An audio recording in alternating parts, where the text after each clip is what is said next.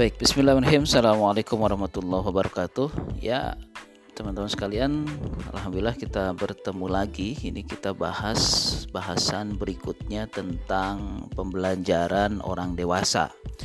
Ini biasa juga disebut dengan metode belajar andragogi ya. Jadi pembelajaran orang dewasa. Ini menjadi penting karena akan menggeser cara belajar, menggeser pola belajar dan yang lebih utama adalah memastikan ada orientasi yang benar dalam belajar. Jadi ada orientasi yang akhirnya itu akan membentuk perilaku dan pola belajar yang berbeda. Baik. Uh, berarti kalau kita bicara tadi pembelajaran orang dewasa setidaknya ada dua keyword ya kata kunci yang pertama pembelajaran gitu ya yang kedua adalah dewasa gitu ya Nah, pembelajaran ini kurang lebih adalah proses untuk e, bertanya dan mencari jawaban. Bisa diawali oleh masalah, bisa diawali oleh sebuah fenomena, tapi pembelajaran adalah mencari jawaban dari tantangan atau sebuah pertanyaan. Itu yang dimaksud dengan pembelajaran yang hasilnya ada tambahan pengetahuan terhadap intelektual mereka yang belajar. Nah, tapi banyak sekali tentu definisi belajar, namun kurang lebih kisaran begitu yang dimaksud dengan definisi pembelajaran. Lalu apa yang dimaksud dengan dewasa ya gitu. Dewasa itu sekali lagi juga banyak tinjauan, namun saya sering kali mengartikan dengan simpel saja orang dewasa adalah mereka yang punya kemampuan berhitung. Jadi memperhitungkan sebab akibat, memperhitungkan efek, dampak, memperhitungkan tujuan, memperhitungkan masa depan dan sebagainya. Itu itu orang dewasa itu ya.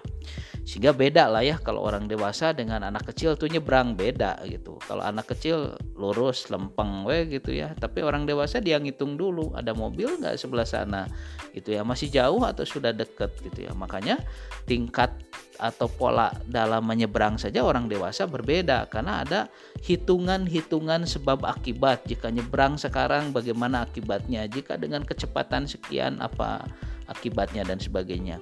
Nah, dengan pengertian inilah maka pembelajaran orang dewasa menjadi penting karena tentu akan berbeda dengan pembelajaran anak-anak. Anak-anak bisa jadi ya ini oh, oh, seperti halnya mereka kalau dipanggil untuk mandi itu harus dikejar-kejar sama orang tuanya mungkin harus dibujuk mungkin harus diancam gitu ya untuk hanya mandi ya gitu tapi coba kalau sudah dewasa kan tentu tidak akan seperti itu lagi. Tidak akan dikejar lagi untuk mandi dan sebagainya. Kenapa? Karena mereka sudah memperhitungkan dampak. Salah satu perhitungan dari keputusan-keputusan orang dewasa adalah berbasiskan kebutuhan. Jadi kalau sudah dewasa gitu ya. Ini kalau Malcolm Nalis itu mengatakan atau beberapa para ahli itu mengatakan yang dimaksud dewasa itu kalau secara usia itu sejak usia 16 tahun bisa berlaku itu pembelajarannya. Jadi nah misalnya sejak usia 16 tahun ke sini itu harusnya muncul kebutuhan mandi tidak usah lagi disuruh, belajar tidak usah lagi dipaksa. Nah itulah orang dewasa gitu. Kenapa? Karena sudah butuh, sudah tahu bahwa akan ada sesuatu di masa depan yang membutuhkan hasil dari saya belajar, yang membutuhkan hasil daripada saya mandi misalnya. Saya jadi bersih, dengan bersih saya jadi begini-begini dan sebagainya. Akhirnya tidak usah lagi ada paksaan seperti itu. Nah, kurang lebih pembelajaran orang dewasa prinsip-prinsipnya mirip-mirip seperti itulah teman-teman sekalian ya. Dan ini kalau secara konsep ini sudah ada pada sejak tahun 1920 kalau saya baca literatur itu ya. Jadi sejak 1920 orang sudah berpikir bahwa harus ada metode belajar. Salah satu tokohnya yang terkenal itu Malcolm Nalis, eh, Knowles tulisannya Nalis gitu ya. Jadi itu yang memang mencoba merumuskan berbagai konsep tentang pembelajaran itu. Baik teman-teman sekalian. Nah ini sekali lagi berarti kan sekarang udah kebaca ya. Kalau tadi kita berbicara tentang what gitu ya dalam konsep pembelajaran kan bertanya kan tadi itu. Belajar itu bertanya kemudian mencari jawaban. Kalau kata tanya itu kan ada 5W 1H itulah setidaknya yang paling populer ya. Tadi kita udah bahas what-nya gitu ya. Jadi apa itu pembelajaran orang dewasa? Sekarang ada yang penting, why-nya. Mengapa itu menjadi penting gitu ya. Nah, itu menjadi penting tentu urusannya dengan perkembangan kehidupan manusia secara umum ya gitu. Jadi tentu manusia itu berjalan pasti akan bertambah usia, bertambah tantangan gitu ya, macam-macam pasti itu naik di semuanya gitu. Kalau mau terus jadi kayak anak TK ya sudah, begitu aja kondisinya gitu ya. Namun kita akan terus tantangannya bertambah sehingga ini nggak bisa lagi dengan pendekatan TK. Misalnya kalau TK ya pendekatan SD gitu kalau SD. Kenapa? Karena tantangannya akan bertambah dan ini adalah resiko atau konsekuensi logis dari hidup. Makanya ada yang sampai berkelakar, ya sudahlah, saya nggak mau uh, menghadapi UTS seperti mahasiswa. Saya pengen yang gampang-gampang aja waktu TK. Ya sudah, berarti dia tidak akan naik kualitas dirinya. Jadi naik sebuah kualitas itu ditandai dengan naiknya tantangan yang dia hadapi. Makanya kan bedanya SMA dengan kuliah dari tantangannya sebetulnya. Bedanya SD dengan SMP dari tantangannya. Bahasa kita dari ujiannya lah. UTS-nya kan beda, UAS-nya beda. Kalau mau UAS yang gampang-gampang aja ya sudah, berarti kita bakal naik-naik kualitas. Nah kurang lebih kan begitu. Sehingga why ini menjadi penting. Mengapa pembelajaran orang dewasa menjadi penting? Karena hidup manusia terus ber, berproses gitu ya, terus berjalan. Yang nggak mungkin lagi teman-teman termasuk saya itu berada dalam satu fase dan bangga atau puas dengan fase itu. Ini ini penting. Makanya pertanyaannya ini mohon nanti harus dijawab ya, baik itu di media yang lain atau saya ini. Pertanyaan satu bagi teman-teman sekalian, apakah kita kalau mahasiswa ya, apakah kita mahasiswa tingkat satu bagi mahasiswa tingkat satu atau SMU kelas 4 atau SMA kelas 4? Kan beda ya. Mahasiswa tingkat satu dengan karakter kemahasiswaannya walaupun dia tingkat satu. Bedanya dengan apa? SMA, SMA kelas 4 misalnya. Dia masih SMA, bukan masalah ukuran kelasnya kelas berapa, tapi dia masih SMA Nah jadi kan beda itunya tantangannya. Mahasiswa tingkat satu mahasiswa pola berpikirnya beda, cara belajarnya beda. Nah ini yang menyebabkan mengapa pembelajaran orang dewasa harus menjadi sesuatu yang kita pikirkan gitu ya. Jadi ini belajar dengan masanya. Sehingga konsekuensi logis teman-teman sekalian, kalau kita pola belajarnya tidak berubah, apalagi tidak mau belajar sama sekali tentang pembelajaran orang dewasa, kita akan terus terkurung bahasa lainnya terpenjara, bahasa lainnya terjajah gitu ya dengan masa-masa yang sebetulnya harusnya sudah kita lewati itu masa itu. Baik, itu ya eh, bab dua lah kalau boleh katakan. Nah, berikutnya apa tantangannya bagi para orang dewasa? Ya ini banyak tantangannya. Nanti ada beberapa komponen. Salah satunya tentu motivasi dan motivasinya bagi orang dewasa itu motivasinya banyak dari dalam. Nanti ada di bahasan motivasi. Motivasi itu ada dari dua hal setidaknya. Ada yang dari ekstern, ada juga dari intern atau internal gitu ya. Ada yang ekstrinsik menyebutkan, ada yang dari intrinsik dari dalam. Berarti kalau pembelajaran orang dewasa, dia akan banyak motivasinya justru dari dalam gitu. Beda dengan anak-anak. Kalau anak-anak itu butuh dikejar dulu orang tuanya baru mandi. Kalau orang dewasa tanpa ada kejaran seperti itu saja dia akan mandi. Berarti kan motivasinya dari dalam. Ini salah satu challenge-nya, tantangannya itu ya.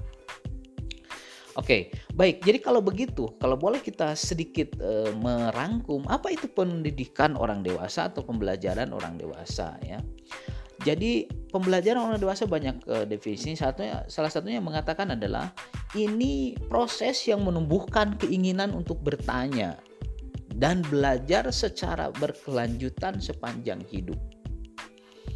Nah, kalau boleh dilanjutkan, proses belajar atau bertanya mencari jawaban itu diarahkan oleh dirinya sendiri dengan kesadarannya sendiri karena memiliki kebutuhan terhadap hal tersebut. Oke, coba. Berarti kalau boleh diartikan tadi apa? Dengan kalimat lain, pendidikan orang dewasa adalah pendidikan atau proses pembelajaran yang lahir dari pertanyaan untuk mencari jawaban yang asal pertanyaan itu dasarnya dari kesadaran diri sendiri karena adanya kebutuhan terhadap hal tersebut. Jadi karena kita udah butuh nih gitu ya. Jadi teman-teman misalnya apalagi nih yang mahasiswa, saya udah butuh terhadap ilmu ini. Kenapa? Nanti berhubungan dengan karir, nanti berhubungan dengan kualitas diri, berhubungan dengan tingkat kompetensi dan sebagainya. Akhirnya apa? Tidak usah lagi digubrak-gubrak. Nah, itu akhirnya muncul pembelajaran orang dewasa. Lahirlah orang-orang dewasa itu. Jadi orang dewasa itu bukan usia. Betul ya, kita sering kali mendengar tua katanya adalah kepastian, tapi dewasa adalah pilihan. Jadi betul tidak akan sama dengan perkembangan usia. Baik. Uh, nah ini ada kalau kita pakai Malcolm Nalis lagi ya. Malcolm Nalis menyebutkan prinsip pembelajaran orang dewasa kurang lebih gitu ya. Yang pertama orang dewasa itu terlibat dalam merancang dan membuat tujuan pembelajaran. Ya. Jadi terlibat. Makanya ini kan yang diberlakukan kalau misalnya di kita di kelas personal development misalnya itu kan ada dulu kontrak pembelajaran. Kita nanti belajarnya begini ya di awal itu. Jadi ada dulu orientasi dan sebagainya dan orang dewasa ini dilibatkan. Mengapa dilibatkan? Karena inisiatifnya dihargai inisiatifnya dihargai, pilihannya dihargai, uh, tujuan hidupnya dihargai. Jadi tidak langsung nanti gini, pokoknya nggak mau tahu kamu harus seperti ini. Itu bukan orang dewasa. Kalau pembelajaran orang dewasa atau kita maksud tadi di awal itu sebagai andragogi, itu nanti orang dewasa terlibat dalam merancang bahkan membuat tujuan pembelajaran sehingga nanti dia kita atau setiap uh, yang ada di situ bisa sama-sama menciptakan target pembelajaran yang diinginkan. Itu yang pertama ya karakternya atau prinsip pembelajaran andragogi. Yang kedua, pengalaman adalah asas aktivitas pembelajaran. Gitu ya. Jadi selain transfer of knowledge, ada namanya transfer of value. Kemarin kita coba bahas itu. Ada juga transfer of experience atau ada juga yang dimaksud dengan experiential learning. Jadi yang penting dari situ adalah pengalaman belajar. Jadi ada pengalamannya. Oh, gini ya, gitu. Nah, itu orang dewasa. Sebetulnya di anak-anak ini juga ada sempat misalnya dan ini kalau diberlakukan dari sejak kecil akan berbeda. Misalnya jangan begini. Nah, lebih baik bukan diberitahukan dulu tentang jangan katanya namun coba dia melakukan itu. Kemudian oh iya ya ternyata kalau saya panas-panasan jadi hitam. Nah akhirnya dia meyakini besoknya saya nggak mau panas-panasan. Kalau kata si anak itu kenapa? Kemarin saya punya pengalaman ketika panas-panasan itu saya hitam gitu. Nah jadi ada pengalaman. Itu nah itu pembelajaran orang dewasa ada proses kebutuhan yang lahir karena ada pengalaman sebelumnya. Pengalaman itu bisa pengalaman sendiri, bisa pengalaman orang lain. Ternyata ya kemarin ada temen yang nyontek, uh hidupnya hancur tuh. Eh, udah saya nggak mau nyontek. Nah ini namanya juga pengalaman. Jadi ini bab kedua atau prinsip yang kedua. nah yang ketiga, oke okay, orang dewasa itu lebih berniat mempelajari hal-hal yang berhubungan langsung dengan kejadian kehidupan mereka dengan pekerjaannya, dengan kehidupannya, dengan kebutuhannya. Gitu ya. Jadi kalau ingin mempelajari orang dewasa, maka yang dipelajari harus dipastikan saya membutuhkan ini karena ini ada hubungannya dengan hidup saya di masa depan.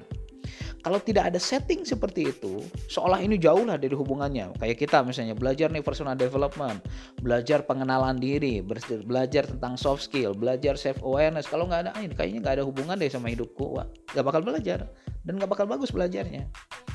Jadi kenapa? Karena setiap orang berminat mempelajari sesuatu yang ada hubungannya dengan kehidupan mereka.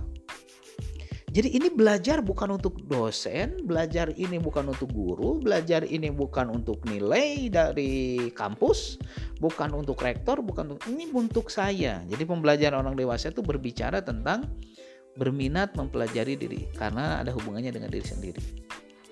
Oke, kemudian apa lagi? Pembelajaran orang dewasa bertumpu pada masalah. Ini nomor empat ya yang nah ini ya. Jadi ada masalah ada pertanyaan yang membutuhkan jawaban.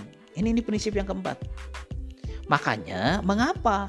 Kalau di dalam sistem akademik saja makin tinggi eh, strata pendidikan itu risetnya lebih banyak. Kenapa? Karena memang di situ ada proses mencari jawaban dari masalah-masalah yang ada di sekitar jadi mencari jawaban nah memang prinsip pembelajaran orang dewasa adalah mencari jawaban dari masalah. Makanya ada yang menyebutkan itu problem center gitu ya. Jadi atau problem sentris. Nah, jadi pembelajaran itu diawali oleh adanya masalah.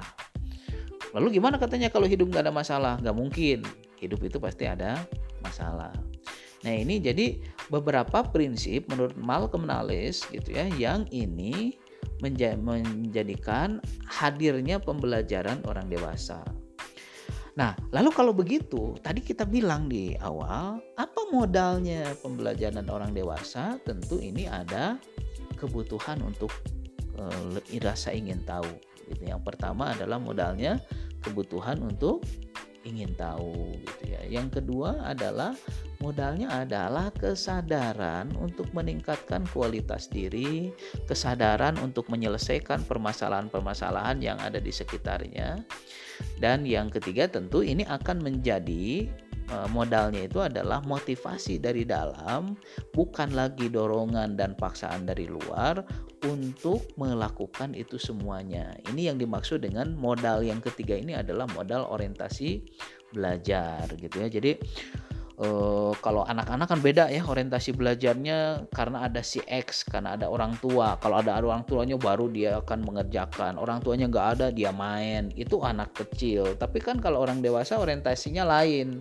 Dia udah punya kesadaran dari dalam dirinya sendiri.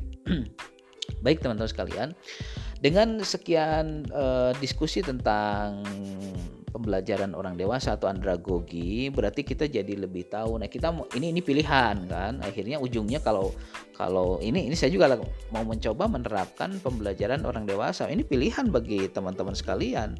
Pilihan untuk memilih ah sayanya kayaknya mau pembelajaran anak kecil aja. Mangga gitu. Berarti kualitas kita ya di situ jangan menyebut mahasiswa, jangan menyebut S2, jangan menyebut S3 kalau cara belajarnya masih pelajaran anak SD gitu ya. Jadi silahkan ini pilihan. Tapi kalau memilih kayak saya akan belajar sesuai dengan kepantasan saya berada di mana ya sudah kita belajar.